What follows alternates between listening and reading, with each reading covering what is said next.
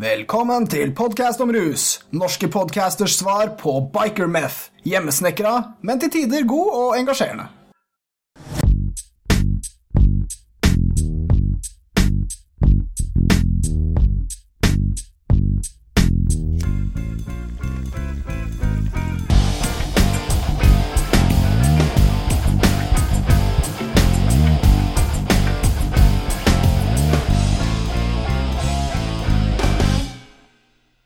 Hei, hei, hei, hei, og velkommen til podkasten om rus. Jeg heter Per Ståle Honning, og for første gang på to år vi har holdt på med dette rælet, så det er faen meg jeg som introduserer.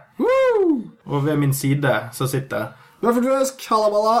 Fett. Jeg syns du gjør en bra jobb, ass. Ja, men nå må du ta over styringen igjen, for nå får jeg Ja, ja. ja, herregud, da. Nei, Velkommen til podkast om rus. Vi er eh, fortsatt inne på vårt heftige kjør med å lage tre episoder på tre uker. Ja, det fikk vi eh, Sa vi det? Ja, vi, vi ymtet vel frampå om det uh, før jul, altså episode 18, tror jeg. Eh, men saken er i hvert fall det at forrige episode, episode 19, om heroin, den kom ut for fire dager siden når vi spiller denne inn. Så skal vi prøve å få til at den her, nå vi spiller vi inn på Er det den 13. i dag? Uh, Ja, det mener jeg det. Noe sånt. Ja. Det bekreftes. Så forhåpentligvis så skal vi prøve å få denne her ut den 14., 15., 16. en gang. Og så skal vi prøve å få ut neste episode på dagen en uke etter det igjen.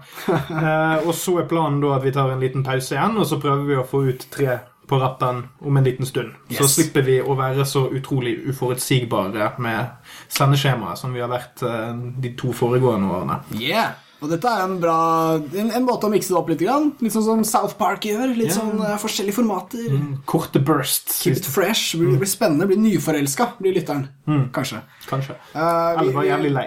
Ja, og det er også et slags mål. Uh, bli lei av oss, og så blir vi borte en stund, så kommer vi tilbake frisk, uh, nydusja. Akkurat som samme pakka. forhold til South Park. Konsekvent. Ikke sant? Se, de er smarte. Vi er smarte. Uh, en annen ting som da lider veldig, er jo aktuellspalten vår. Fordi vi er jo dønn aktuelle hele tida når vi driver og spiller inn nonstop. Men vi har en liten aktuelt. Ja, vi har det. Den har vi jobba med. Mm. det er appelsinsesong, folkens. Appelsinsesong varer fra desember til rundt april.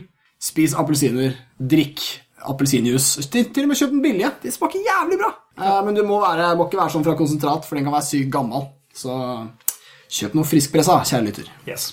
Eh, Men bare sånn for å klargjøre litt, så blir Aktuelt-spalten veldig kort. Fordi vi endte opp med at det vi skulle snakke om i Aktuelt-spalten, var mye mer interessant som et langt format enn eh, det vi pleier. Ja. Så lytteren får bare anse hele episoden som en eneste stor Aktuelt-spalte. Men òg med forgreininger bakover i historien, sånn som vi alltid pleier å å gjøre her i denne der eh, russirkuset. Ja visst, og det er derfor vi avspiser dere med appelsiner i dag, eh, kjære begge lyttere. Eh, Når livet gir deg appelsiner, så lag juice, for det er så jævlig godt om dagen. Dritdigg. Drikk det til frokost. Faen, det går jævlig godt. Ok, men da skal vi gjøre det temaet vårt, som er den norske rusdebatten. Og det vet jeg det er mange der ute som gleder seg til, for det er jo så ekstremt engasjerende saker. Det syns jeg er faktisk uironisk. Ja, jeg òg. Men eh, jeg ser jo definitivt behovet for hvermannsen å få det kondensert ned i korte, ja, korte bursts på ca. en time, fremfor å måtte lese seg opp og ned i eh, avisspaltene der man har eh, mer og mindre eh, kvalifiserte stemmer. Så du er nødt til å cherrypicke og finne ut hva du må mene, Ja. og hva du, hva du liker best. Men kjære lytter, her i podkasten om rus så forteller vi deg hva du skal synes. Ja, og det går fort og gæli. Så hvis du har prøve om dette her i morgen, eksempel, på, på videregående skolen din, så burde du ikke høre på denne podkasten, først og fremst, for at du er altfor ung. Eh, men eh, da kan du òg jukse og bare skrive ned det, det vi nevner opp nå. Yes, her skal det jammen generaliseres og oppsummeres. Eh, det Vi tenkte å ha en liten sånn gjennomgang av norsk rusdebatten. Fordi nå begynner den å komme i en fase hvor nyanser dukker opp. Du verden så spennende det er. Masse navn, mange referanser. Hvem er disse folka? lurer lytteren på. Og det skjønner jeg godt. Så da blir det en liten eh, del. litt sånn kultur, alt den dritten her. Vi skal prøve å ikke gjøre det kjedelig, men vi må gjennom denne greia. Men som eh, vi alltid gjør, lemfeldig og overfladisk. Underholdende også, kanskje. Det var òg uh, skussmålene når jeg mistet jomfrudommen min. Mm. Vi er i gang! Yes. Ah, ok, Vi tar historie først, da. Siden historiefag er eh, la oss si, sykt spennende, men kan dras ut i, eh, så det blir historie av det. Mm. meta, faktisk. Så da, da tenkte vi å ta liksom, hvordan det skjedde i Norge. og Vi, vi må jo selvfølgelig begynne med gjerne 60-tallet. Der ble ting forbudt og sånn. Det var ikke så mye rusdebatt før det ble forbudt. Jeg gidder ikke å ta avholdsbevegelsen og på en måte forbudstid. Det, det tar vi en gang. Nei, drev David Bowie og holdt på på 60-tallet? For da kan vi i hvert fall ha en shout-out at David Bowie er død, sånn at folk ikke anklager oss for at vi snakket om Lemmy sist, og ikke Ja. David Bowie. Ja, det er sant. Greit. Uh, David Bowie rest in peace. ferdig. Ja, Han er ferdig, og han eh, holdt jo sikkert på på 60-tallet, for han levde jo ganske lenge. Og var rå faktisk fra han ble født til døde, han også. Eh, jeg syns kanskje Lemmy var bedre for formatet vårt, i og med Ja. at eh, Bowie var så abstrakt. Han likte abstrakte ting. Nå er vi ferdig med. Bowie. Fuck Bowie. Videre. Vi skal snakke om ting som skjedde da Bowie var en liten sneip. Eh, himmel og helvete er et av punktene vi tar som, som eh, tidlig historie. Ja, for jeg, jeg ville trekke det fram fordi jeg er mer, jeg er mer filmnerd enn jeg er rusnerd, egentlig. Sånn, Ja. Hvis man skal justere, justere det opp og ned i mente på Det er din rus. Ja, min rus. Hovedrus. Det bare slo meg som et litt aktuelt ankerpunkt for eh, lytteren, fordi den filmen kom ut i 1969. Ja. Og det er ganske kort tid etter at hasjforbudet trådte i kraft. Men allerede i den filmen så begynner den med en, en scene der det er en student som driver og holder et foredrag foran uh, videregående elever Ja. om hvordan hasj eh, burde være lovlig, og det er denne planten som er naturlig, og det, det er på en måte en slags karikatur av alle legaliseringsdiskusjoner eller, eller argumenter du har hørt. Og det er veldig fascinerende, fordi at gjennom den filmen og, og de scenene der, så, så ser du egentlig bare en, en enorm karikatur av, av rusdebatten, kanskje fra 70-tallet og fram til 90-tallet, minst. Ja, faktisk. Altså, det er jo grov generalisering, men det er i hvert fall så tidlig som 1969 så ser vi alle klisjeene. Der eh, liberalistene, som de kalles, eller de rusvillige, er, er naive og har så tro, stor tro på vitenskapen, eller hva enn. Og så har du liksom de fornuftige, avmålte avholdsfolkene som skjønner at dette her er ondskap. Det fører deg lukt inn i helvete. Eh, og ja, som sagt så tidlig som Altså det er 45 år siden og 46 år Ja. siden. Og såpass lenge har vi holdt på med denne debatten, og vel så det. Ja, Så- ja, sant. Dette er jo generaliseringens uh, tidsalder, og de generaliseringene sitter jo i jævla lenge. Det er ikke en lett tid å klemme seg eh, fram noen særlig nyanser altså på noen av sidene. Enten så er hasj måte helsekost, som alle burde drive med, eller så er det ekstremt dødelig narko. Og dette er når narkotikabegrepet også kommer, som en generalisering, som i hvert fall ikke tjener cannabis-saken noe særlig, siden 90% av bruken sikkert er cannabis, både da og kanskje også nå. Men, eh, men, men det, det blir ekstremt polarisert, ikke sant? Og, og den dritten her varer jo bare videre. Vi vi har ikke hatt nyanser i rusdebatten før nylig, tror jeg kanskje vi kan si. Ja, vi fikk endelig legalisert nyanse. Ja, det, vi ble sluttet å bli straffet for å ytre dem. Ja, før, før, da vi ytret disse tingene på fest, så ble vi kastet ut, gjerne i håndjern. Og nå så er det da mer sånn der åh, hold kjeft. Eh, Sånn vanlig sosial reaksjon, sånn som folk fortjener å høre. Hold kjeft, lytter. Eh, Så kommer da, altså, vi, vi tenkte bare å bruke noen ankepunkter, som er et eh, kult begrep. Hovedsakelig norsk kontekst denne gangen, sånn at vi slipper å rante igjennom uh, Ja. amerikanerne. La oss si det. Norsk kontekst, altså. Og bare for å rappe opp himmel og helvete, det er jo en nyanseløs film. Han som lagde den, var jo en blåkorslege sammen med om det var Amel eller Vennerød eller begge to. Eh, Det var far Var ikke det faren til Er ikke det faren til Vennerød i Hva med Vennerød som har lagd den filmen? Ja, det kan stemme. Jeg sitter og lurer på om Ja. det er sant. Det- så det, sånn er det, så det er på en måte varm, en varm og Vennerød-film, men Det er det, som det, det er i samme sosialrealistiske stil, bare enda mer, enda mer latterlig. Altså enda mer gammelmodig sin uh, fatter. Men Ja. eh, Ja, det er bra du påpeker. Det er, så, det er generasjoner ute og går. yes. Eh, Men han het eh, Victor Borge, denne blåkorslegen. Der dukket navnet opp også. Og han eh, ville lage en håpløs film. Altså Han sa dette her, det fins faktisk på NRKs nett-TV ennå, hvis du vil søke opp. Han snakker om at det er viktig å vise håpløsheten. Og han, han var til og med åpen for nyansen om at det er ikke sikkert alle som tar narko, blir liksom oppslukt av djevelen og mørket, men vi kommer til å vise det likevel. Ja, men det, det, det, det, er bedre at alle, det er at alle tror at det er håpløst, enn at uh, man tror at det ikke er håpløst, og så er det enda flere som prøver, og så får vi enda flere som Mm. ramler ut i helvete. Ja, sant, så han skal i hvert fall ha for den gjennomtenkte delen av det. Ja, men den troen kan du jo trekke helt frem til i dag. Hvis vi bare, bare en liten side note her, så Mm. Ja. er det jo flere i dag som argumenterer ut ifra eh, det perspektivet at det er best å egentlig ikke gjøre, legalisere noe eller avkriminalisere noe som helst, for det viktigste er signalene. Ja, Det er signalet. er Vi må holde folk unna, koste hva det koste vil, for at ett dødsfall Ja. Uansett hvor mange andre liv man redder, er for mye. Ja, det er veldig sant. Dette er signaleffektens første ordentlige hovedverk i Norge. Mm. Det er Himmel og helvete. En knallbra film eh, for de som liker humor og historisk distanse.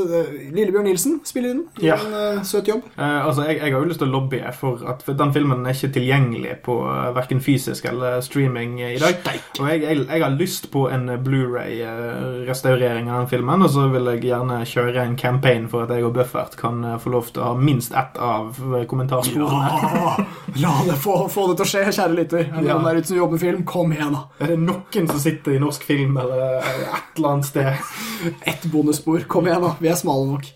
Ja, veldig bra. Da rapper vi den, og så springer vi videre, typ eh, 10-15 år i tidsmaskina vår, til heroin kommer til Norge på 80-tallet. Eh, jeg trodde jo faktisk at det kom før. Jeg tror faktisk jeg ta seg i forrige episode at det kom før. Ja. Men uh, det viser seg nå etter ekstremt lemfeldig googling at uh, 80-tallet er mer det, det som gjelder. ja altså, så glatte hopper vi jo over litt småting her. Det er sikkert mange, det er mange ting Det finnes sikkert en eller annen lurifaks som sitter og tenker Ja, men Buffett og Per Ståle, nå er noe dere glemmer. Men sånn, drit i det. Sorry, Lurifax, vi må ha noe sprang. Det er de store bildene, de, de lange linjene. Ja, ikke sant? Og nå prøver vi bare å tegne et bilde fram til den fantastiske samtiden vår. Så altså, heroindebatten uh, blander seg opp i, i hasjdebatten på 80-tallet, og den blir vel egentlig ikke noe sånn særlig differensiert. Det er narkotika alt sammen, og folk er litt forvirra, og det beste er jo å ikke drive med det. det. Idealet står jo så deilig sterkt som det alltid har gjort. Det endrer seg noe, for jeg springer rett videre. Vi snakka om heroin forrige episode, for faen. Eh, da tar vi heller og går til eh, 90-tallet, for der var det Hyperstate. Å, du verden. Det er fordi ecstasy endelig kom seg opp på berget.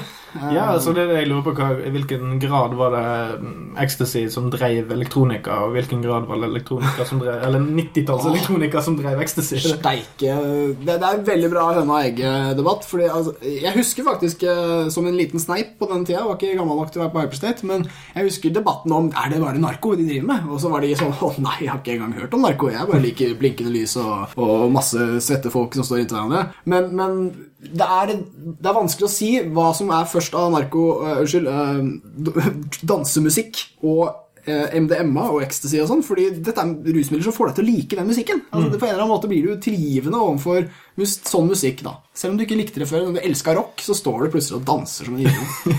Det er, det er vanskelig å si. Ja, men det har jo noe med hemning og, og sånt, og at man, eh, man løs, løsner seg opp. Og det kan man jo vel så gjerne gjøre hvis du bare har lyst til å gå ut og drikke deg driting Ja, sammen ja. med et par tusen andre folk. Så, eller Absolutt. 6000-7000 andre òg. Men, men Så- vi sjekket det sted, og Hyperstate var et kjempearrangement her i Oslo som holdt på til noe sånn rundt 2000. Ja, det var litt uklart. Vi fikk ikke helt sjekket opp om det var arrangert i Oslo Spektrum alle årene på slutten, men det var i hvert fall i 95 så ble det påstått at det var 7000 folk i Oslo Spektrum. Det er en hendelse, ass. Ja, altså jeg har, jeg har vært der på et fullstappet Spektrum med, med sitteplasser, så jeg kan ikke helt se for meg hvordan 7000 ståplasser eller danseplasser skal fortone seg der inne. Så, Nei, det må være helt sjukt. Og igjen, dette henger jo sammen med at eh, det er på 80-tallet at eh, MDMA syntetiseres på nye måter, og da får også andre amfetaminer en ny oppsving, og det blir til en slags housekultur. Denne housekulturen var knytta rundt eh, også nyere former for musikk, som da kom samtidig, så det ble en sånn hybrid. Men eh, også veldig litt sånn hippieaktig. Vi er en stor organisme på dansegulvet. De vil bare være i flokken hele livet. De vil ikke ha jobb, de vil, de vil aldri gå på do heller. De vil helst bare stå i en stor flokk og danse til de blir gamle, grå og dør av alderdom. Det er liksom alt de vil. Så det er en søt og sosial side ved det. Men, eh, men eh, Hyperstate forsvant, og eh, undergrunnsraves forble som en sånn nisje, nisjegreie. De fins vel ennå, de hippiene. De er vel på noen skogsfester og noe greier, tenker jeg. Der de sitter rundt bål og synger komba, ja. Ja, det var sånn, jeg liker tanken om at, eh, om at uh, Hyperstate og eh, Ecstasy, ungdommen på 90-tallet, det, det er vår tids hippie. Ja, Det er faen meg beste sånn oppsummeringen av det jeg har hørt. det var bare flaks. Takk. Men der uh, Da sitter de rundt ballene sine, jaget ut i skogen. eh, fra, fra Spektrum til skogen. Uh, jeg tenkte også å ta med en politisk greie før vi rapper opp dette ikke så ja, litt grann spennende historiekapitlet. Eh, det er i 2002, for da skjer det en ting i rusdebatten som jeg mener etablerer litt av premissene for hva vi gjør nå, eh, 14 år seinere. Straffelovskommisjonen. Det her er sånn som bare jurister har hørt om, egentlig. 2002 ble da, skulle straffeloven revideres, om jeg husker rett. Come at me, jurister. Og da ble det opprettet en kommisjon som var bestående av jurister av ganske høy rang og tidligere høyesterettsdommere Eh, Jeg husker at det er en som het Kristin Coward, eller Kirsti Coward, altså ikke la deg lure av etternavnet, en ganske tøff dame, som eh, presse gjennom dette her eh, som overrasket mange. De foreslo at vi skulle fjerne forbudet for bruk av narkotika. At man skulle legalisere bruk av narkotiske stoffer generelt. Årsaken, mente de, var at det er ikke det straffeloven var ment å brukes til. Den skal brukes til å redde folk fra hverandre, ikke fra seg selv. Så narkotikaforbudet var da i strid med rettsprinsippene hevdet de. Det førte ikke de så mye endring, det der. Eh, Det snedige med det er at det der er en diskusjon som du kan finne igjen i ganske mange land over ganske lang tid. Altså det, det liberalismeprinsippet med eh, ansvar for altså, hva straffeloven er egnet som, i, hvilken, i hvor stor grad skal, skal straffesystemet drive sosial kontroll. eh, Ja, det, ja. det er en langvarig debatt. men jeg, jeg føler, Nå kan det hende at jeg ikke lest nok på dette, dette temaet, men at, jeg har ikke inntrykk av at det har vært en veldig stor issue i den norske rusdebatten før de si, siste ti årene. Og Mm. desto mer tiltagende proporsjonalt. Ja, ja. Eh, Eller eksponentielt de siste fire-fem. Ja, men det, det er et kjempegodt poeng, fordi det er ikke et vanlig argument som fenger så veldig godt i Norge. Det er- funker bra i den amerikanske debatten og sånne ting. Eh, Det er min kropp, jeg, jeg burde få lov å putte hva jeg vil inn i den. Nordmenn føler ikke det argumentet så veldig mye. Nei, vi var, ja. vi, var litt inne på det i, eh, når vi snakket veldig mye om, eh, om Ja. valgspesialen vår, holdt på å si. Ja, Rustopia, ja. ja, da, I Rustopia da var vi innom det at vi er jo et sosialdemokrati. Denne grensen mellom, mellom hva som er individ og hva som er flokk, den er litt merkeligere her i Skandinavia enn den er i f.eks. USA eller Frankrike. Det er veldig sant. Det er et særtrekk vi har. Men rettsvesenet vårt er jo basert på veldig vanlige vestlige prinsipper, og det var egentlig det som kom frem at i rettsprinsippene våre har vi liberale verdier som på en måte ikke har fått blomstre, sånn som eh, i hvert fall Straffelovskommisjonen mente de burde ha fått lov til. Eh, Så fascinerende nok så blir jo da alle, all argumentasjonen deres, som er veldig sånn juridisk hva burde loven være, argumentasjon, den blir møtt med veldig symbolsk argumentasjon, for folk svarer med narko, nei!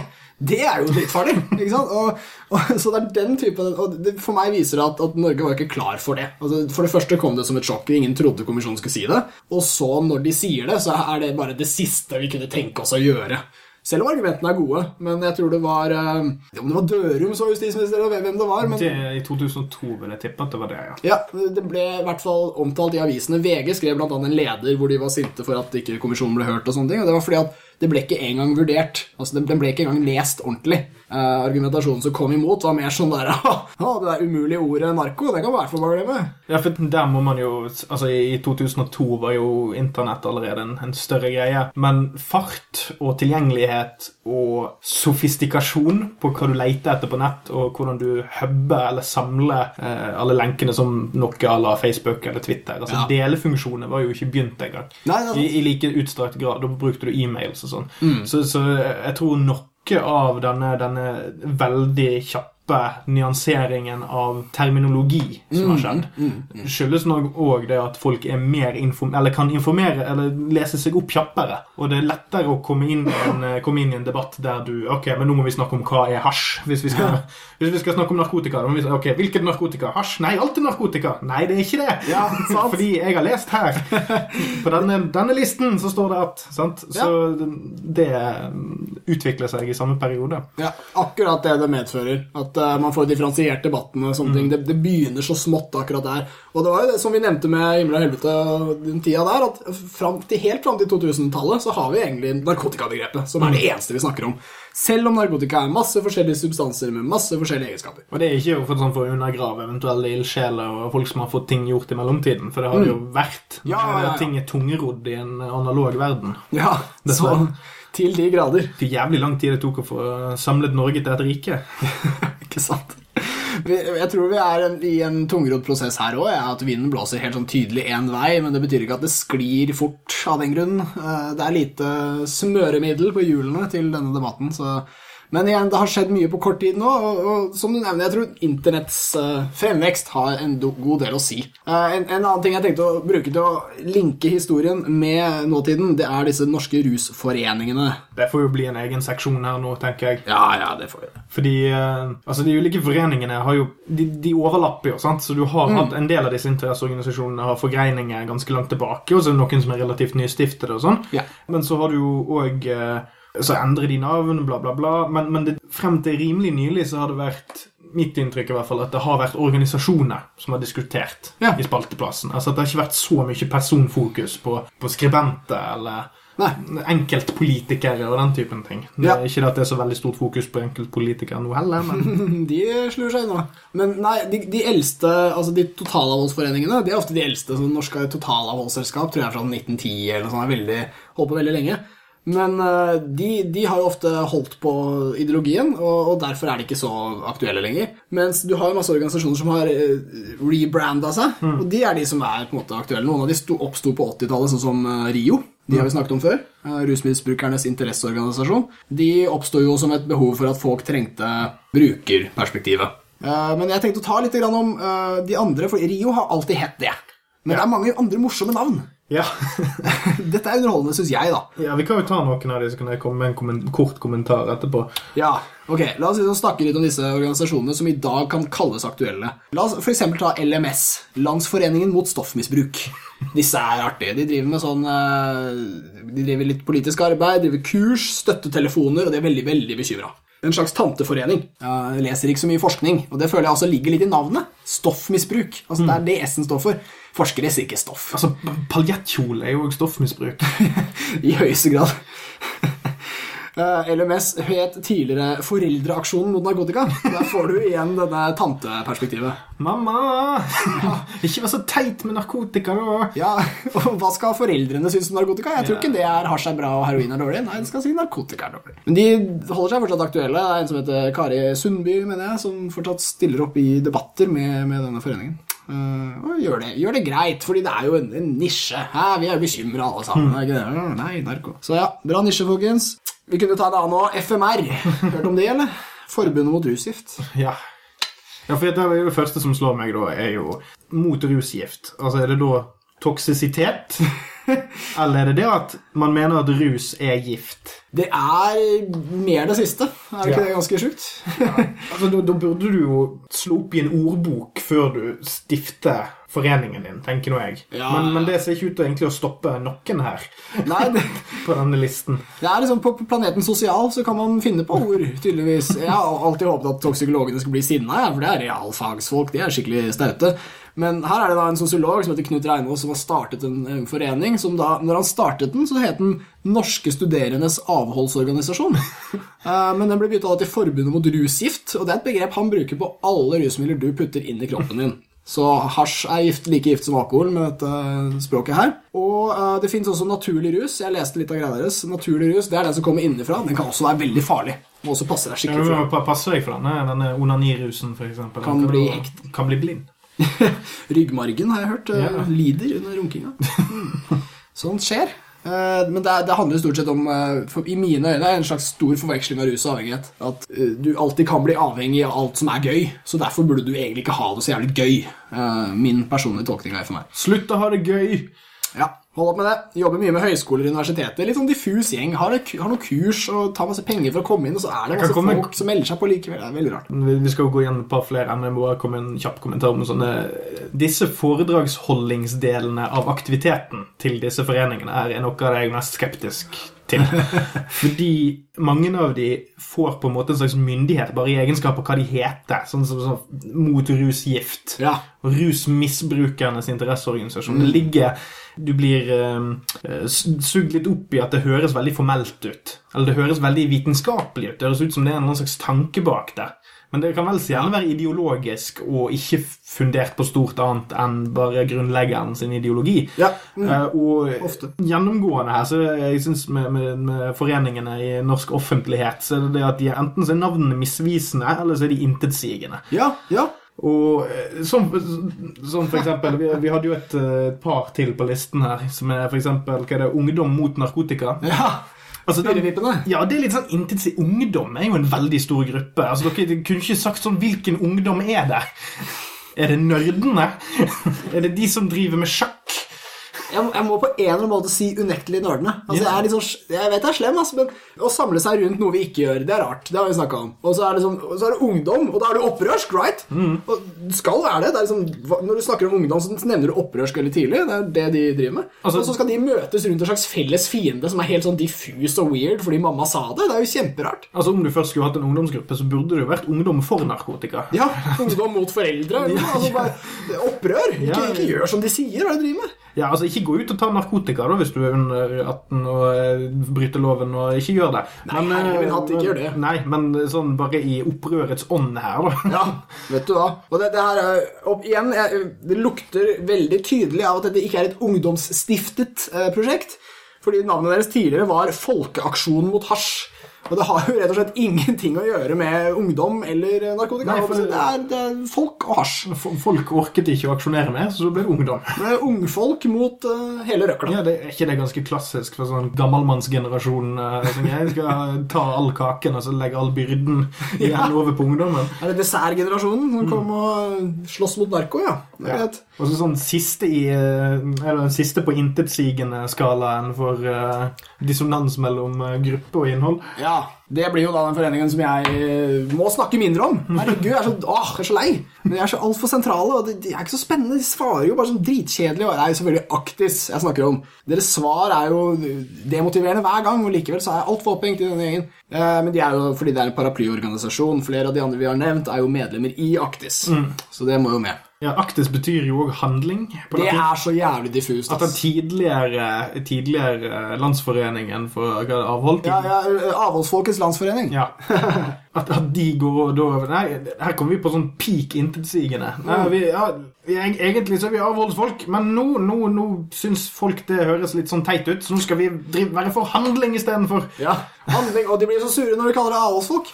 Masse organisasjoner som er med, alle er ikke avhold. Så det er sånn, ja, men du skal jobbe for en rusfri verden, ellers får du ikke være med. Det er, det er skikkelig i mandatet, bare les retningslinjene. Sorry, Mina, den, den kommer du ikke så langt med. Det er fortsatt avholdsføringer. Kall det hva du vil. Men uh, aktis betyr handling, og altså, går det an å gjøre litt, litt bredere, litt mer diffust, eller? Ja, her er handlingsgjengen, det er vi som driver og gjør ting. Ai, ai, ai. Ja da, er troverdig. Ja, altså, Heldigvis blir jo det, Måloppnåelse er jo jævlig enkelt med det navnet der. Har, har vi handlet i dag? Ja, vi har handlet. Jeg har handlet inn melk. En, en konstant suksess. Uh, sjekke mailen, handler. Eh, Åh, fy faen, som de gjør ting der nede. Sortere binders. Åh, fy fader, for en dag hos Aktis. Gjengen som gjør noe. Ah, Og så har vi den eh, siste vi har skrevet ned, i hvert fall. Den er jo også, eh, Jeg vet ikke i hvor stor grad vi har snakket om de før, men det er jo eh, Norsk Narkotikapolitiforening. ja, de skal med, ass. De har nylig gjort seg aktuelle av de. Ja, eh, fordi det var jo egentlig det som var utgangspunktet vårt. Det var jo eh, en representant for Norsk Narkotikapolitiforening som Ja. kranglet med noen ungdomspolitikere og litt sånn. Men bare før vi går over på debattdelen igjen, Ja. så la oss bare snakke litt om hvor lite eller ikke lite offisielle Norsk Narkotikapolitiforening egentlig er. La oss gjøre det. Fordi om det er noen som får ufortjent mye oppmerksomhet, eh, og nå tilbake igjen til den foredragsholdningen jeg snakket om, Ja. og, og spalteplass, og, og bare patos hver gang de engasjerer seg, så er det NNPF. Ja. Dette blir en veldig bra Segway til det som vi skal ta, som jeg tenkt å ta etterpå. Og det er at Vi er i en tid nå hvor nyansene begynner å liksom eh, gjøre rusdebatten mer uoversiktlig. rett og slett. Det er, det er vanskeligere sosialt å si hva man burde synes, og det er mange debatter deles opp og sånne ting. Og NNPF de er morsomme, for her har vi dinosaurer. Rett og slett folk fra fortida. Der hvor det var enklere å snakke om rus.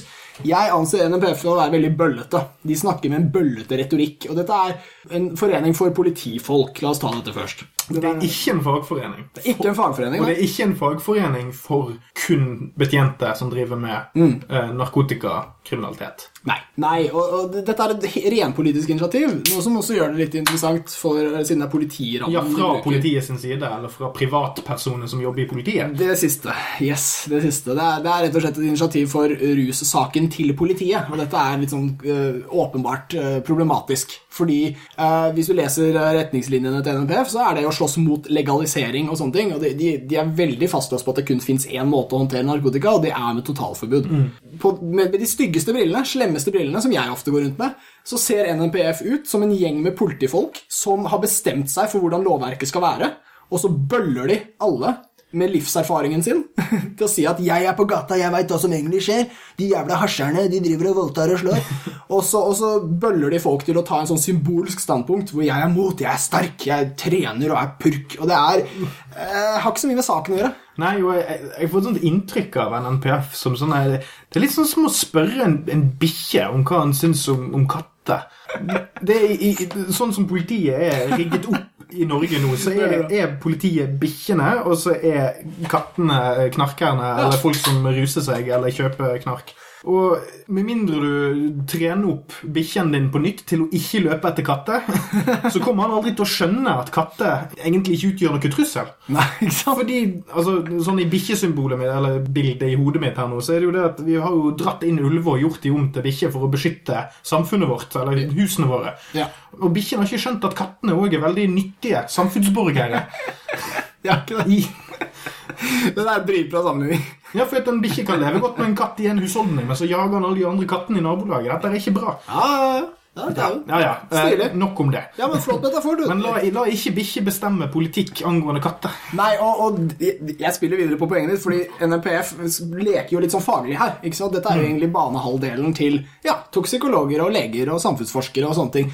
Men de skal hele tida late som at de henger med på denne kunnskapen om rus, og de driter seg ut. De, de blir som bikkjer og katter. De, de har ikke så mye peil på katt. Hvor mange juristforeninger har vi som er så knarkenrettet? Uh, vi har jeg, ingen som jeg vet om. Uh, men vi har masse ju- jusforeninger, og de stort sett, eh, tar stort sett det motsatte standpunktet av NMPF. De er, de er veldig eh, ivrige på det, og, og liberalisere, og i hvert fall endre ruspolitikken. Eh, NMPF har ofte klart å briljere med det motsatte av kunnskap. eh, ofte vært et litt sånn problematisk speil til det som ser ut som manglende rusopplæring i politiet. At de rett og slett ikke får så mye info om stoffene og, og hva stoffenes forskjeller er. Eh, De er mer opptatt av fenomenet rus, og at de skal stoppe det. Så når NNPF var i en rusdebatt nå for noen år siden, på om det var Chateau Neuf eller hva, så klarte den ene representanten å si at man f.eks. kan røyke bananskall og bli høy av det. Og, altså, litt sånne der klassiske myter. Og, og de bølleretorikken som jeg nevnte tidligere, Lars kommer ofte til uttrykk gjennom at man bruker begreper som hasjerne og sånne ting. Og, det er ofte en gruppe man snakker veldig stygt om. At liksom, da kommer hasjerne og ødelegger moroa. Og, og igjen, altså, disse hasjerne er faen meg overalt. Hvis du har vært på en debatt og jobber på NNPF, så var det en hasjer som rigga mikrofonen din. Altså, det, det går ikke an å ha et sånt syn på andre mennesker fordi de bruker narkotika. Det går ikke an. Nei, det er sånn Hvis du eh, ikke spør en snekker om hva han syns om spiker igjen sant? Altså, Ja, igjen, altså drit i hva lovverket er, portifolk. Bare, bare vær, vær rollen din. Jeg må bare si det. Det yrket der er så jævlig unikt. Ikke, ikke putt fingra i så mange andres Nei, altså, du, det, som samfunnsborger har du jo lov til å melde inn i absolutt hva som helst, men Ja. det, er noe, det er noe med eh, Fordi eh, politiet har en så vektig rolle i samfunnet vårt bare i egenskap av, av utøvelse av vold. At med en gang du begynner å koble interesseforeninger som går utover altså En ting er å ha eh, politiforbund som, som arbeider for uh, høyere lønning eller den typen ting. Det, det kan jeg skjønne, men med en gang du begynner å gå inn på konkrete politiske tiltak, så blir det stygt. Fordi at du Ja. bruker den patosen eller vekten eller tyngden som landet har gitt deg. Ja. Befolkningen har liksom gitt deg tillit, og så bruker du den tilliten til å skremme folket. Og det liker jeg ikke i det hele tatt. Det er en stygg tendens. Jeg er helt, helt enig. Meld dere ut og meld deg inn i Ap. Ja, Meld deg inn i noe annet. Det blir fryktelig symbolsk, eh, og det synes jeg er en annen veldig problematisk ting med dette. her, At det er helt støpt i fjell hva de mener. Og de er ikke forskningslesere, f.eks. De, de er ikke så veldig ivrige på å studere forskningsrapporter. Men hver gang det er en som er mot narkotika, så kan hende de retweeter den. Mm. Så det, er veldig sånn eh, Veldig, veldig symbolsk basert. Yeah. En ting som kunne legitimert NNPF, det hadde skullet egentlig så veldig lite til. Hvis du tenker på det. Én forskningsrapport en gang hvor de sier Oi, vi tok litt feil. Vi, vi nyanserer oss. Vi er NNPF. Vi har flere meninger på en gang. Da hadde de hatt livets rett. Men frem til den dagen skjer, så vil jeg da si at de ikke har det. Ja. Meld dere ut.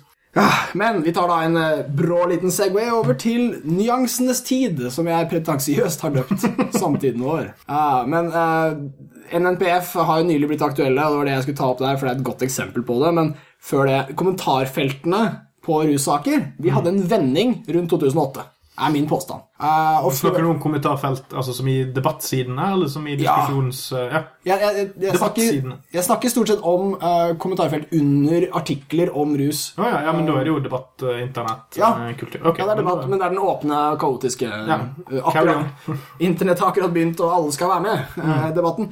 Og da var det i starten veldig håpenbart symbolske argumenter. At narkotika er dårlig, og du burde ikke snakke om det, og hvordan våger du, og alt dette her. Eh, og så var det, begynte det å komme litt motstand. begynte å komme litt sånn sterke stemmer for. Begynte å bli argumentative. De skriver veldig langt. Altfor langt. Eh, her er 14 sider hvorfor hasj er bra. Liksom. ah. Men etter hvert når, eh, så forsvant disse veldig strenge, sinte folka fra kommentarfeltet, og så har de ikke kommet tilbake. I hvert fall ikke i like stort manntall. Det er jo alltid noen. Men, Ja, eh, kontrære folk er der. Ja, for det, det, det, som gjør meg minst sikker på mitt standpunkt i, i rusdebatten, så er det at plutselig er jeg enig med alle nettrollene når jeg, Ja. når jeg går inn på en, en russak og leser kommentarfeltet. Ja. Eller alle nettrollene. Det er bare det at det ser ut at Ikke det at de er spesielt velformulerte eller gode retorikere, de som skriver under de sakene, men jeg er mer enig med de der enn jeg er gjennomsnittlig noen andre saker jeg leser der det er kommentarfelt under. Og det er veldig rart. Jeg skjønner, jeg skjønner ikke hvordan det feltet har på en måte klart å få alle tullingene til å være enig med meg. Ja, men det, er, alltid skremmende når man oppdager sånne mønstre. Men jeg, det jeg syns er fint med kommentarfeltene, er jo det som er dårlig med dem òg. At det er så innmari offentlig, og alle kan bidra, og alle har en mening, selv om de ikke har grunnlag til å ha den. Eh, men det vi kan måle med det, eh, selv om det ikke blir sånn ekstremt empirisk, eh, så er sosial konsensus, hvor den sosiale lista sånn cirka ligger. Og det vi ser nå, er en morsom tid hvor det er veldig vanskelig å si hva som man burde mene om rusmidler. Identitetsmarkøren er mye mer kaotisk nå enn før. Det var veldig lett å si nei til narkotika, men nå må du si nei til hasj, men kanskje teaterheroin? Altså, det, det, det er mye mer kompliserte budskap ute og går. Altså I hvert fall ikke for din egen del, men for heroin, heroinisten sin del. Ja, Bare å kunne si sånne ting. Bare å kunne si 'jeg er for heroin', men jeg kommer ikke til å ta det. Og så vet folk det fra før. For Før så sa de 'jeg er for heroin', så regnet alle med at du hadde sprøyta klar. Ja. Eh, Så, så vi er allerede i en litt sånn eh, stilig tid for eh, nyanser. Ja, og, og der kom igjen Bare for å trekke det litt tilbake Det skjer rundt 2004-2005 at Facebook har blitt opprettet, og så begynner det å bre om seg rundt 2007. Ja, Hater jo å skryte av Facebook, men de har bidratt. Ja, ja altså, og, og dette er jo bare rør fra min side og løse sammenhenger og Ja, ja, ja. sånt, men, men det har eh, Jeg var litt inne på det før her, at eh, det har noe med farten informasjonen spres til likesinnede som, som eh, er i effekt her. Og det, det tiltar med bredbåndsutbygging, og det tiltar med hubs, altså Facebook, Twitter, Ja. sosiale medier. MySpace, hvem er det som husker det? Hvem var det som hadde lange diskusjoner der? Mm. Eh, no, I motsetning til internett sine tidlige dager, der fant du forumet med likesinnede. Ja. Men etter hvert som internett utviklet seg, så var det mye enklere å ta argumentene fra diskusjonsforumene og dele de med venn, altså dele de med, Mm. med din venn på Facebook. Du kunne krangle med han i full offentlighet med andre venner, og så Mm. Ja. kan du påvirke opinion. Sant. Eh, og, og da er ikke det de gode argumentene altså Det er ikke nødvendigvis de beste argumentene som sier der, men det er de argumentene som eh, kaster minst idiottvil. Sant? Altså, Ja. sånn, burde de ikke få lov til å få heroin på resept, sånn at de slipper å stjele? Det er et godt nok poeng til at det kan spre seg. ja. Og plutselig gikk han fra å være en fiende til å være en litt sånn interessant type. Ja. Og det er kule. Det Sosial konsensus er ekstremt flytende og kan endres veldig fort. Mm. Og det er en magisk ting ved det. Det gjør det også litt skummelt jobbe skikkelig. Drit i det. Men da flytter vi oss fra kommentarfeltene til eh, artiklene Ja. over kommentarfeltene. Ja, veldig bra. veldig bra. Mitt eksempel på hvor vanskelig det kan være å eh, si hva man burde synes om rus i disse dager, blir eh, et eksempel som NNPF eh, ga meg i favnen her om dagen. Eh, åh, så deilig det var. Fordi, altså, nå, nå er det for eksempel, La oss ta denne her først. Vi har vært inne på det før. Frp. De burde vært mer for rus. De er liberalister. Hvorfor Angivelig. Angivelig, ikke sant? Hvorfor tar ikke de argumentet min kropp? Hvorfor kan ikke jeg nye, nji, Eh, Veldig på det på solarium. ja, ja, og på vannskuter, og på sprit, og på ikke sant? Segways. ja. Lakrispipe. Glemte narkoen der, Frp. Men uh, det er da ungdomspartiet deres, FPU. De er tvert imot rendyrkede unge liberalister som vil uh, at alle skal kunne røyke hasj hvis de er sterke nok. ikke sant? Individualisme, hell yeah. Dersom uh, herskerinnen i det høye Ayn Rand says so. Ja, hun, hun var ikke kategorisk motstander, i hvert fall. Nei, nei. Så, uh, men vi har det problemet i Norge at uh, ungdomspartiene ikke egentlig er så jævla legitimert fordi moderpartiene egentlig aldri hører på dem. Uh, og det skjer jo også med Frp, fordi de er jo ikke interessert i å røre den saken. Carl, Carl I. Hagen har sagt klart ifra at det skal vi ikke, og sånne ting. Men det som skjer, er at han skriver jo da, denne lederen Simonsen Atle Simonsen. Atle Simonsen i FPU skriver ti grunner til å legalisere cannabis, som er gode grunner. Ti ålreite punkter i en veldig liberal vinkling. Eh, Så får vi da AUF-lederen Husseini skriver da senere ti grunner til å ikke legalisere. og Mye, mye dårligere tekst, men la den ligge. Eh, det som skjer etterpå, er at NNPF-lederen, som nå er en ny person, for de bytter hele tiden, eh, skriver da ti grunner til å ikke stemme Frp på sin overskrift på sin, sitt svar. Og det er ikke tipunktsliste heller. Nå må dere holde styr på ungene deres, Frp. Ja. Og her, Det morsomme her er jo at, at Frp ikke hører på FPU. Så, så det å ikke, be folk ikke stemme på Frp pga. dette, det er jo feil, egentlig. Eh, men da kommer jo da av alle folk Jan Arild Ellingsen, som sitter i justiskomiteen for Frp. Han kommer på banen i dag og skriver Nå må du faen meg holde kjeften din, NNPF, og, og bli fornærma på FrPs vegne. Og skriver da at, uh, med en flott retorikk om hvordan politiet skal drive og legge føringer og undertrykke borgerne. og liksom sånn ordentlig liberalist-trøkk. Og, og jeg blir så jævlig glad av det, fordi disse har egentlig vært kategorisk enige. NNPF og Frp de er helt enige. Hvis de hadde møttes på en fest og snakka narko, hadde de vært klin enige. De har er justisministeren. Ja. Anundsen er så satans antinarko som det er mulig Han å få det. har og kompiser i NNPF. Det må han ha. Ja, eh, og, men, men, men her, her er det jo fordi at, eh, fordi at NNPF blir litt sånn Jeg har ikke lest, eh, lest innlegget sjøl, men jeg, jeg regner, det høres ut som NNPF har blitt litt rett og slett litt høy på pæren og tror at de kan nå kjøre et, et langspark mot Frp. Ja. Og så backfire det litt. Det er, Ja. ok, Men nå, du, du handler, nå handler det da ikke lenger om eh, om Frp er enig med FpU. Nå handler det om at eh, NNPF har sagt noe dritt til, Ja. til Frp om hvordan Frp burde utvikle politikk. Og, og da begynner da, da kommer vi tilbake til det jeg sa i sted. Du burde ikke be bikkjen din om si hva han mener om katter. Ja, Dritbra. Jeg syns det er så gøy, for det kan godt bare skrives ned til at NNPF er litt sånn lemfeldige med kategorisering. De, de blander og generaliserer, og så FPU, Frp, jæra, jæra. Men for Ellingsen er denne forskjellen ekstremt viktig, for du kan ikke disse moderpartiet. Du kan ikke gå for moderparti for å ta datterparti. på en måte. Nei, og, det, og det er en skikkelig fet tabbe.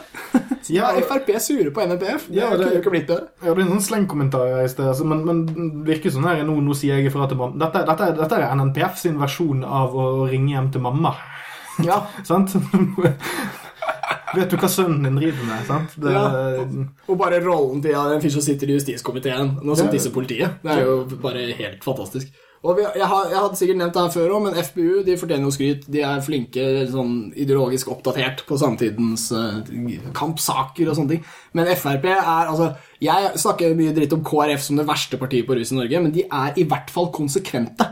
FR, KrF vi vet alltid hva ideologisk sett de vil mene. Eh, Vi burde kollektivt holde oss unna rus, og alle får det bedre. Eh, Men Frp er liberalister. Og det er ingenting verre enn en fyr som har spritånde og står og forteller at hasj råtner hjernen din, og at derfor fortjener du fengsel og bot. Eh, Det blir hyklerkongene for meg, så Frp fortjener diss. Virkelig. Men eh, jeg henger fortsatt med på, heier på de i krigen mot NNPF. ja, eh, det blir jo litt eh, interessant å se hvordan Frp utvikler seg etter at Siv Jensen sin generasjon Ja. dør ut i det partiet. da. Nå nærmer jo de seg 50. Eh, Den, den gruppen som er i maktposisjon nå, etter at eh, Carl I. Hagen trådte til side, de, de begynner jo òg å dra litt på årene. Så om en 20 års tid så er de byttet ut òg, og da har vi de som er unge nå, trer inn. Så da blir det litt spennende å se det der, den utskiftningen som blir interessant da, politisk. For å se om Frp faktisk blir et ordentlig liberalistparti, og ikke bare på papiret. Ja, ikke sant? Jeg er enig. Jeg, jeg, bare for å ta det helt kjapt, de, de trenger ikke russaken. Det irriterer meg, fordi de, er så, de har monopol på innvandring og alle disse andre temaene. Så det er akkurat som de ikke trenger den. Så hvis de får skvisa dem nok, så kanskje de tar litt narko også. Det hadde vært noe. Ja, men dette blir da Segwayen over i denne samtidens herlige rusdebattkaos. fordi det er jammen ikke godt å si hva en eneste fyr mener om noe som helst i disse dager, og det, det er herlig. Eh, vi har, jeg har nevnt Aksel Branden Sterri tidligere. Han skriver jo ræva av seg i, i Dagbladet og lager masse debatt rundt temaer som er nyere. Eh, vi har også jurister som har meldt seg på i samfunnsdebatten fra ulike de, advokatselskaper. sånne ting. Som, som, Ja, Hvem var hun som hadde meldt seg eh, som uh, Det var en, eh, en advokat uh, hos Elden, tror jeg, som sa Ja. at hun tok alle, alle fleinsopp-saker Ja. pro bono. Ja, stemmer. Det er en veldig kul idé. Altså, hun hadde også en veldig bra tekst i Morgenbladet hvor hun skrev om Vi husker ikke navnet. Eh, jo da, Inger Zadig heter Ja. hun. Uh, Shoutouts til henne. Jeg har veldig sans for den teksten som var i Morgenbladet, særlig for da snudde hun premisset. Altså, eh, hun snakket om altså, alle de døde fra narkokrigen, som er typ 6000 døde for heroin i Norge siden 80-tallet osv. Uh, og, og, og snakket om at de har jo ingen årsak til å legitimere det, og at konsensusen ligger på, på feil side. vi, vi som vil endre politikken, er de som må argumentere. Men de har jo ikke engang argumenter for å beholde den. uh, veldig bra jobba, Sadig. Uh, veldig snedig flipp. Ja, og så, så Det var vel omtrent rundt når VG hadde den, eh, hadde den her eh, nettpedo-saken, saksopprullingen sin, så brukte hun eh, det som en sånn Ok, vi, vi trenger Ja. å putte mer ressurser inn for å, for å hindre nettpedofili og den typen ting, men du kan havne i fengsel for å plukke fleinsopp. opp Ja. Det er en eh, enorm dissonans. Ja. Så kan, dersom jeg vil at politiet skal bruke mer ressurser på dette, så dersom du blir tatt for å plukke fleinsopp i norsk skogmark For det var en, gam, det var en sånn middelaldrende dame som hadde blitt hooket for det. Ja, ja. Så ok, jeg kommer til å representere deg pro bono hvis, Mm. hvis du havner i rettsvesenet. Og det er en litt sånn kul eh, sånn jeg skal teste ut lovverket sine prinsipptilnærming. Ja, ikke sant? Og dette er høyre, høyregjengen, hvis jeg kan kalle dem det. Det er der de liberalistiske argumentene på en måte dukker opp mye, men de er flinke til å holde dem litt på avstand, siden de ikke fenger så mye i Norge. Men det er mye jurister og Civita-folkene, Minerva-folkene altså Det er ofte jusutdanna og, og den slags. Og, det, dette er litt stygt. Ikke at jeg skal bli så jævlig partipolitisk her, men det, det, det, det er et problem at alt, alt fra venstre og til høyre nå, hvis vi regner med FPU begynner å bli ganske så eh, prinsipielt interessante når det Mm. gjelder eh, legalisering av hasj og, og regulering av rusmidler. Mm. Debattmessig. Eh, og så sitter venstresiden og sentrum igjen og er, stikker fingeren i jorden. Ja, ja. Og det, det er litt stygt, for dette er en veldig sånn ungdomsrelatert sak. Eh, fordi venstresiden er som regel veldig god på, på sosial rettferd og det å sikre, sikkerhetsnett og litt sånne ting. Så det, det blir en, en diskusjon som eh, det, det, det er fascinerende hvor lite engasjert de er. Og det, er- det er litt stygt at det blir okkupert bare av én siden av den politiske aksen. Ja. Eh, Det, det er altfor lite tiltak på, på norsk venstreside på dette. Og det burde ikke være en ideologisk Nei, enig. dette burde være en mer personbasert ting. Du burde egentlig kunne lage helt nye politiske partier basert på hvordan du takler disse prinsippene. Ja. Det, er ikke, det er ikke en automatikk i at du er nødt til å være venstremann for å være pro hasj. Nei, absolutt. Og Hvis vi kan karikere de politiske fløyene litt, så vil jeg også si at på høyresiden så er det ofte de unge tenkerne som presser fram de, de, de smarte sidene ved russaken. Altså Du har noen rådgivere, du har altså Civita, uh, Nils August Andresen i Minerva, uh, Fredrik Gjerløf altså De sånn smarte høyrefolk som trekker fram uh, Til og med Jan Arild Snoen. ja, Snoen òg har jo faktisk argumentene i denne saken her ganske greit på stell. Men så på høyresiden så er det altså de unge som ofte driver eh, forandringen. I, de gamle kommer, hører de unge snakke om rus, og så blir de sånn Ok, ja, vi kan ta det inn i Civita. Vi kan, vi kan, Minerva kan fortsatt beholde penga sine selv om de trykker kokainkiloer på coveret. Det blir et jævla flott nummer. Eh, men eh, i, på venstresiden så har du altså de, de unge er helt føya. Fordi det, det kollektive argumentet veier så tungt. ikke sant? Best det hadde vært om alle bare lot være å ta narkotika, hadde flokken hatt det sykt fett. Det individualistiske argumentet bare kommer seg liksom ikke gjennom. Men på, høy, på venstresiden så hadde du Thorvald Stoltenberg, og han satt jo faen meg Han hadde narkoman datter, han hadde statsministersønn, og han hadde sittet i et internasjonalt utvalg som hadde gjennomgått det, og norsk utvalg. Og likevel så sier Ap først ja lenge, lenge etter, men AUF kategorisk sier fortsatt nei. Så av ungdomspartier i Norge så finnes det to stykker eh, som, er ikke, som er helt kategorisk mot legalisering av cannabis, og det er KrFU og AUF. eh, så det er noe med tenketankene på venstresiden som ikke har lykkes helt med å få tak i, i saken. Og det er jo litt trist, for altså, Bjarne Håkon Hansen som helseminister var jo, ble jo en kort periode etter å bli kalt eh, Pølse-Hansen og et eller annet sånt, så ble han jo kalt Heroin-Hansen en liten stund, på Yeah. av at han ville ha Eller han ville, han ville i hvert fall se på mulighetene til å ha hero- heroin på Ja, det var alt han sa. Ja, det er synd at det ble latterliggjort i sin samtid, og så, og så noen år seinere så sitter vi her, og så har Arbeiderpartiet vært altfor langt bakpå altfor lenge. Ja, og vi har vært inne på sosialdemokratiets eh, ideologiske utfordringer her, men jeg har masse dritt på venstresiden. Jeg, har, jeg skal ikke overdrive dette her, men vi har hatt våre skutleepisoder på venstresiden òg. Og i skutlesaken så var det politiet som snuste opp greiene, men i la oss si venstresidens skutlesaker, for jeg kommer ikke til å navngi, så ble de tysta på av sine egne. Det er rett og slett folk som sier 'Jeg har hørt han, driver, han skyter heroin på Stortinget' og sånn, sa de om sine egne, og så viser det seg at han røyka hasj i helgene. Ikke sant? Så det det er ekstremt offerkultur hvis du fucker med tabuet. Eh, og så lenge tabuet er etablert på venstresiden, så tror jeg ikke de heller klarer å ideologisk eller teoretisk slippe seg løs. Ja, og så bare apropos tabu. Uh, la meg segway oss inn på en ganske en rimelig nylig uh, sak. Ja. Fordi eh, Sturla Haugsgjerd, eh, som Yes. eh, startet opp den siste heroindiskusjonen, eh, som var havnet på Dagsnytt 18 Ja, sånn. Stur- Sturle fra FHN er jo veldig ivrig om dagen med veldig gode innspill. Vi glemte jo å nevne FHN, men jeg regner med alle på organisasjonsopplistningen vår. Men, Ja. men FHN kjenner de fleste lyttere. Ja, vi må si det kjapt. Vi tok motorganisasjonene mest. Vi kunne også nevnt FHN og Normal. Mm. Norsk organisasjon for reform av marihuanalovgivningen. Men vi, vi, vi holder oss til det våre, våre fiender. De, ja, de, de som har satt, eh, satt standarden for Ja, diskusjonen. og dette er da ikke tilfellet med, med FHN, i hvert fall. I hvert fall ikke Haugsgjerd, som er veldig veldig produktiv. Mm. eh, og som er en idémaskin av dimensjoner som rett og slett pumper ut dette her. Og han eh, er flink til å starte greier Ja. eh, på nett. Ja, for, han- for han hadde jo en, eh, et, et Facebook-innlegg der han rimelig breialt, må man jo kunne si, i ærlighetens eh, navn. Absolutt. Så var han ganske breial, og så det han gjorde, var at han skrev et innlegg. Hva er det norsk venstreside, eller norsk Mer generelt. ja, det var norsk, norsk kommentariat, var det? ja, fint ord. Noe sånt Morsomt ord. som var for, var for dårlig på rusdebatt. Og så linket han mange ulike skribenter, deriblant Frank Rossavik. Det var Kjetil Rollnes innom. Ja, Marie Sivonsen, Simonsen Ja, eh, ja. Masse. Eh, og Mimir Kristiansson, Ja. som er politisk redaktør i Klassekampen, om jeg ikke husker helt feil. Det kan stemme, han har redaktørrollen, ja. Noe sånt. Skyt meg hvis jeg tar feil. Mm. Eh, uansett så ble det jo da en litt sånn her eh, småpinlig diskusjonstråd under det Facebook-innlegget, Mm. der for eksempel eh, Frank Rossavik svarte med at eh, Nei, eh, jeg burde vel kanskje egentlig bry meg mer om dette her, men jeg kan ikke nok om norsk narkotikapolitikk, og det er ikke jeg overlater Ja.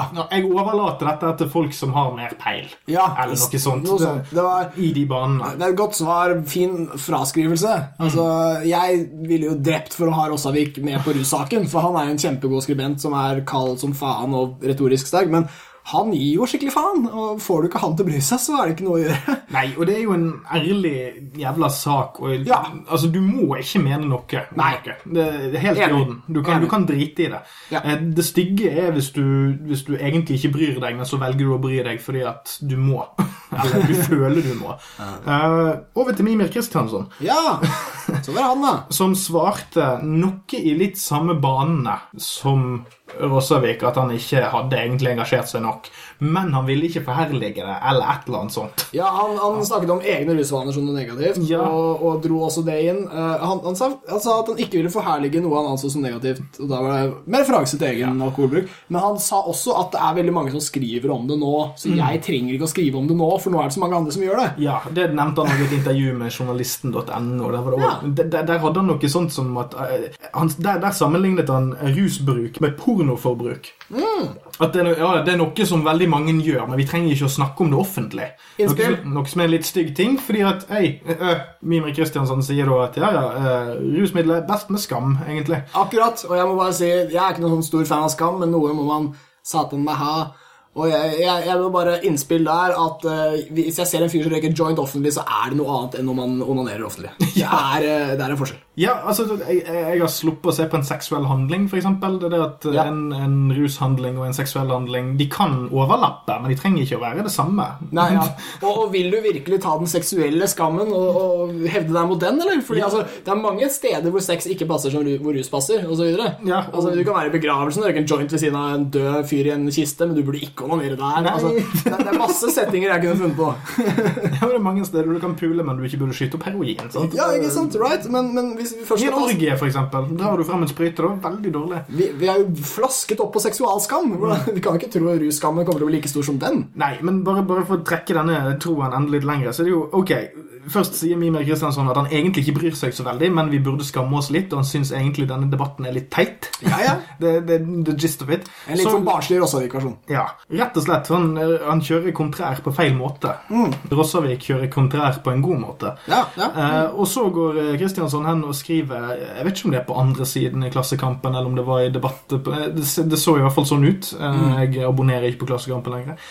Der går jo fyren Der han da bestemte seg for å skrive om norsk narkotikadebatt. Ja.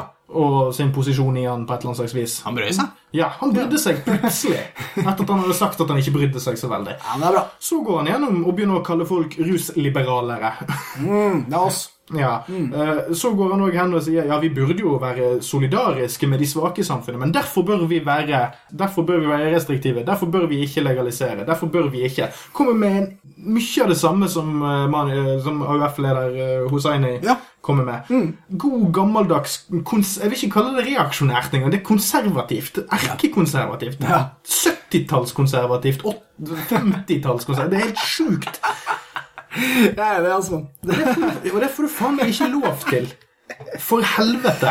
Fordi det, du, du får ikke lov til å gå, eller burde ikke. Du burde få juling. Altså, du, du kan ikke gå ifra å si 'jeg bryr meg egentlig ikke', til å gå hen og mistenkeliggjøre meningsmotstanderne dine. Det er dårlig sprang. Og, og, og det å ende opp med å ta et standpunkt Ja. som er på andre siden av den som utfordret deg i utgangspunktet. Du har Haugstjer som sier sånn Hei, hva mener, hva mener de meningsytrerne i norsk kommentariat? Og så sier han sånn Nei, bryr meg ikke, egentlig. Men så føler han seg så jævla tvinget at han sier noe som faktisk er, er nesten litt eh, skammelig at en, en fyr i hans posisjon kan få seg til å si, for det er så jævlig uinspirert og kjipt og kjedelig. og kan ikke noen gi han juling? Er det noen Hvis det er noen i Klassekampen som hører på, kan du vennligst bare bank han på dass? Vær så snill. bare sånn Folk er som rus må oppfordre til vold. Nei, vi, nei, vi gjør ikke det. Altså, verbalt. verbalt.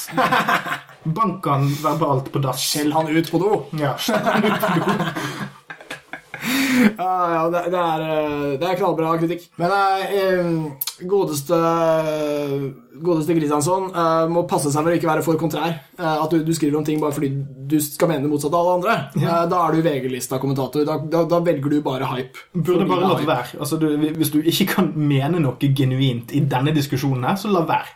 Hvis du ikke klarer, altså Ikke tving fram en mening bare for å ha en mening, og ikke tving fram en kontrær mening bare for å være uenig. Nei, sant. Det... vi- la oss dyrke tvilen litt grann her. Og, og i og med at vi gjør det selv Vi tar feil hele tiden. Vi leser rapporter lemfeldig, bla, bla. Vi har så mye selvironi at eh, du verden, lær av oss. Eh, men, men sånn som uh, Kristiansson og andre, de, de har en tendens til å si f.eks.: drit, i debatten, og så skriver hun inn likevel. Og så fikk jo han et kjempebra tilsvar fra Martin Gedde Dahl og Sturla Haugstad, som skrev i Klassekampen, noe han trolig har lest, i og med at han jobber der.